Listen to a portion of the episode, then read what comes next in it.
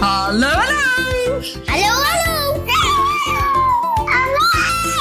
Welkom Bij de podcast! Yay! Yay!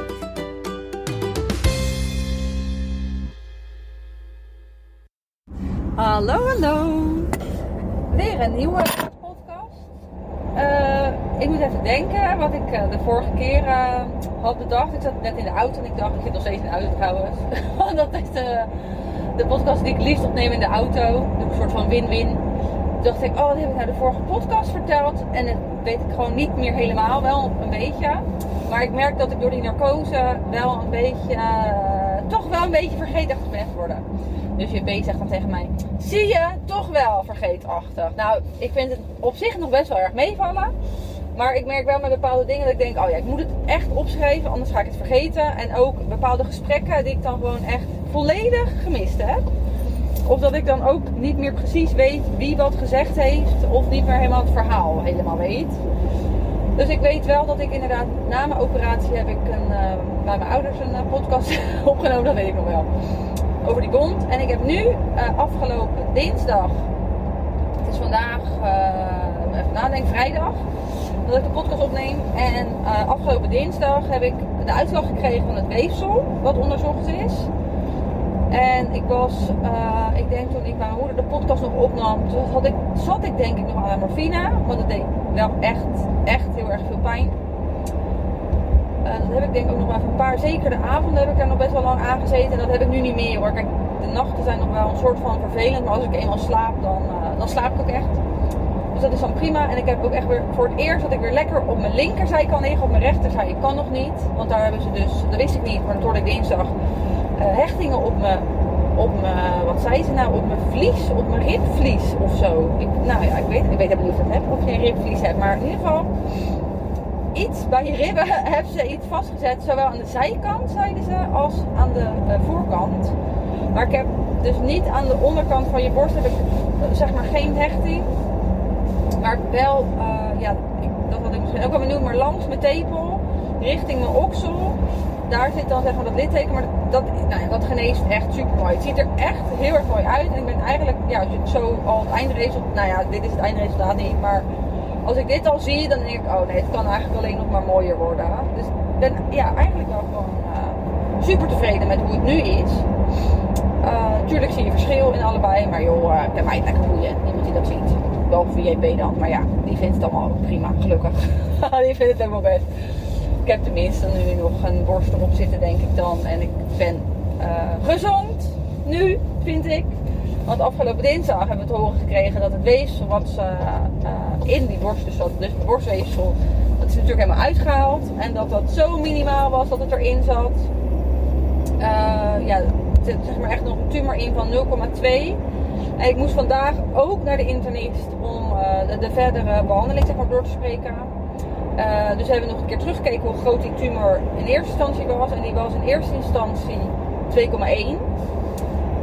Dus, dat, dus ja, er zat nu nog 0,2 in. Dus dat was echt een, goede respons, zei ze. Omdat ik zowel hormoon als uh, eiwitgevoelig heb. En ik was nu eigenlijk alleen op die celdeling geholpen. Plus de eiwitten. Maar dan moet na de eiwitten, die uh, moet ik dan na een half jaar. Dus dat is ook echt een super positief nieuws. Want dan moest ik eigenlijk een jaar. Maar dat is dan nu naar een half jaar verplaatst. Dus ik moet er nog eentje. Dus één keer een eiwit. En ik heb al één keer een eiwit gehad na mijn operatie. Dus ik moet er nu één keer eentje.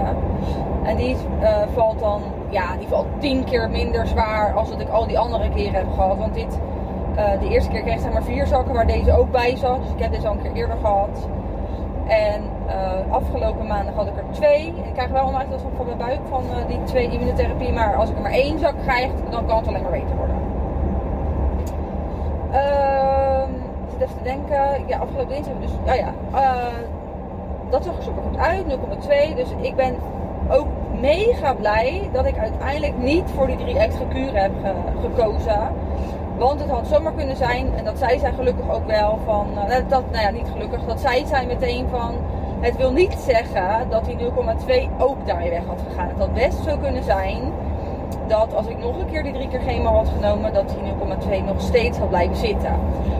Dus ik denk voor mezelf ben ik echt heel erg blij dat ik die drie kuren niet heb gedaan. Dat ik uiteindelijk heb gekozen voor gewoon die operatie. Plus die eh, combinatie van die eiwitten. Want die zijn wel heel erg belangrijk. Dat zei ze ook meteen. En ze zouden eventueel een booster geven van die eiwitten. Mocht ik een, eh, ja, ik, nou, ik weet niet hoe groot die tumor dan had moeten zijn. Maar mocht zij het, zeg maar, eh, ja, hoe zeg je dat? Nou mochten ze het nodig vinden in het overleg dat de tumor toch daadwerkelijk zo groot was dat het dan toch nog wat was, dan zou ik een booster immunotherapie krijgen. Dus dat is om de uh, eiwit, ja, de, ja, dat HER2 positief noemen ze dat. Dat is een bepaalde eiwit wat dan kwaadaardig is, waar die door groeit. Dus dat hoeft allemaal niet. Mijn lymfeklieren zijn helemaal schoon. Dus eigenlijk, eigenlijk super goed nieuws. Eigenlijk alleen maar goede dingen. De wond ziet er super goed uit. Uh, ik voel me echt elke dag iets beter. Ja, ik was, vorige keer heb ik even een beetje zitten klagen. Toen voelde ik me gewoon niet lekker. Ik heb echt vorige week vrijdag de hele dag op de bank gelegen. Kon echt niks. Ik had zo een pijn in mijn buik. En toen had ik dus nog ineens die kuur gehad. Dus toen dacht ik, oh, als ik dan ook nog die kuur moet krijgen, wat, ja, hoe gaat het dan wel niet met me zijn? Maar dat viel gelukkig allemaal mee. Ik ben wel altijd na zo'n kuur mega moe. Omdat ik ook ja, allergietabletjes moet innemen. En die maak je echt mega suf. Ik moet een dubbele dosis. Oeh, sorry. Ik word er nu al moe van dat ik aan het praten ben. moet ik een dubbele dosis innemen. Daar, nou, daar ben ik gewoon gaar. Dus ik ben blij dat dat nog maar één keer is. Dat is dan net in de vakantie van Bram. Maar Bram gaat dan op kamp met de bende mee. Dat is een soort... Uh, ja, wat is het? Het is... Het is geen BSO, maar het is ook geen scouting. Het is, een, uh, het is op dinsdag of, of op woensdag, of je kan het ook allebei doen, wat je zelf wil als ouder zijn of als kind zijn. Je betaalt dan per 10 weken, hebben ze een bepaald thema. En dan uh, gaan ze allemaal leuke dingen doen. En dan is het van 2 tot 4, dan worden ze meegenomen uit school op de dag dat jij dan uh, wil dat je kind erheen gaat. En dan houden ze ook om 4 uur op. Dus dat is voor Bram echt super overzichtelijk. Dus die gaat uh, dat weekend met de bende mee. En dan heb ik die maandag die kuur. En dan kan ik hem dinsdag weer ophalen. En dan ben ik, heb ik nog even, nou ja, ik denk dat ik, want Toos staat ook op klappen. Dus die week in de voorjaarsvakantie kan ik niet heel ver van huis, omdat ik hoop dat Toos dan uh, gaat bevallen. En ik, het lijkt me super tof om erbij te zijn. Als het niet zo is, dan is het niet zo. Maar nou ja, ik hoop stiekem natuurlijk wel dat ik erbij ben. Uh, ja, ik heb eigenlijk niks meer te melden over. Ik had gewoon super goed nieuws. Het gaat goed, elke dag iets beter. Tuurlijk ben ik nog hartstikke moe, maar ja, dat zal echt nog wel heel erg lang blijven. Uh, waar, ja, weet je, ik wist het wel ergens. Ik moet hierna aan de hormoontherapie uh, voor vijf jaar. Uh, voor de mensen die. Ik zit natuurlijk in het. in de medicijnwereldje, dus voor, voor mensen die luisteren, die het interessant vinden, ik ga starten eerst met Lucrin. Dat is een injectie één keer per week, per maand, niet één keer per week, één keer per maand. Dan gaan we eerst even kijken hoe ik daarop reageer. Als ik daar te heftig op ga reageren, dan stoppen we met de Lucrin. Als dat goed gaat, dan blijf ik dus dat doorgaan. En dan krijg ik er tamoxifen bij. Dus of de tamoxifen komt erbij, of uh, de, de tamoxifen wordt sowieso gestort. Maar dan gaat de Lucrin misschien eraf. Dus we moeten even kijken, want ik zeg ja, ik wil me ook niet naarder voelen. Maar zo had vandaag alle cijfers ingevoerd met de percentages. Tot zover die percentages natuurlijk wat zeggen. Want ja, ik denk ergens ook gewoon dat het, uh, ja, hoe moet ik dat zeggen? Dat je pech hebt. Dat je gewoon, uh, ja, dat je gewoon geluk moet hebben om het niet te krijgen. En dat je pech hebt als je het wel hebt. Ja, ik weet niet. Maar het was in ieder geval een percentage van 97% van de mensen die dan nog na 15 jaar leven. Dus, nou ja, ik ga er gewoon vanuit dat ik hier nog minimaal, hoe ben ik nu? Minimaal 30 jaar ben. En uh, eigenlijk wil ik 60 jaar nog. Nee, 60 is wel veel. Maar nou ja, je snapt wat ik bedoel. Dat ik hier nog heel lang op deze aardbodem ben. En dan zal ik toch, uh, dacht ik, ja, weet je, misschien moet ik ook niet zo moeilijk doen. Ik kan het sowieso proberen hoe ik me dan voel. Ook al ben ik wel bang dat ik me dan kutter voel. Maar ja, dat zien we dan wel weer. Ik krijg gewoon overgangsklachten. En ja, daar zit je natuurlijk niet als 33-jarige echt op te wachten. Goed, even mijn trui goed doen hoor. Dan zit die trui in die auto een beetje te trekken op die tiet. Niet nog ineens echt op die bol, maar op de, nou ja. En dat doet dan een soort van zeer. Het is nog steeds een ja, kijk, het doet geen, ik kan het geen pijn noemen wat het doet. Maar het is een super raar gevoel. Ik weet niet, ik kan het ook gewoon niet uitleggen hoe dat voelt. Misschien uh, dat mensen met een borstvergroting hetzelfde gevoel hebben. Maar die hebben, hebben natuurlijk twee borsten. nogal even nee, dat is misschien helemaal niet logisch, weet ik eigenlijk helemaal niet. Maar in ieder geval, dat denk ik dat dat vaker voorkomt in twee borsten. Maar die, die borst of zo, ja, ik weet niet. of het, eh, als je ligt ook, dan lijkt het net of het een soort van valt. Nou ja, ik zal het dan laten zien bij de plastic chirurg hoe die siliconen dan valt. Het is een bepaalde druk en die borstspier die bovenop, dus die is, dat blijkt dus losgehaald te zijn, dat wist ik niet.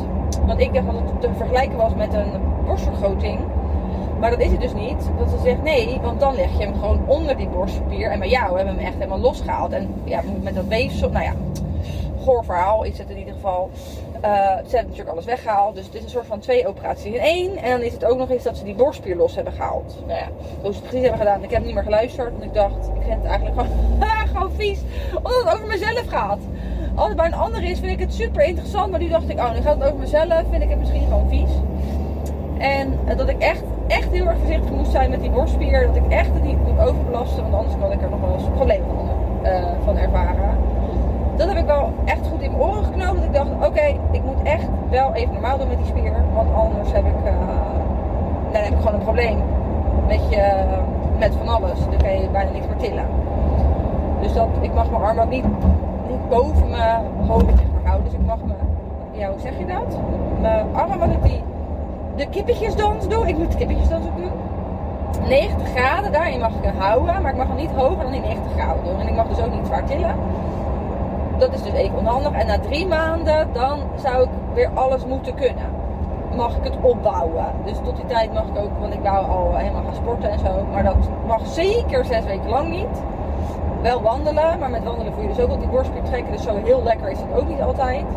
En na drie maanden mag ik pas echt weer. Uh, nou ja, ik wist sowieso dat ik pas na drie maanden mag paardrijden, maar ook, nou ja, ze zei zelfs yoga.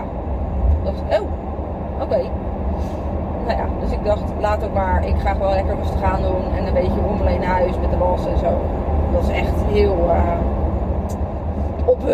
de was. Maar ja, uh, ik kan tenminste iets doen, denk ik dan. Er zijn mensen die helemaal niks kunnen doen. Dus nee, eigenlijk alleen maar goed nieuws ik heb eigenlijk verder uh, dan dat voor nu even niks te melden. Als je vragen hebt, dat vind ik super leuk, want er komen nog steeds wel echt vragen altijd binnen. Dus dan bericht vooral, dan uit. En ik ga natuurlijk lekker taart eten en het lekker vieren dat ik een super goede uitslag heb gehad. Fijn weekend, doei doei!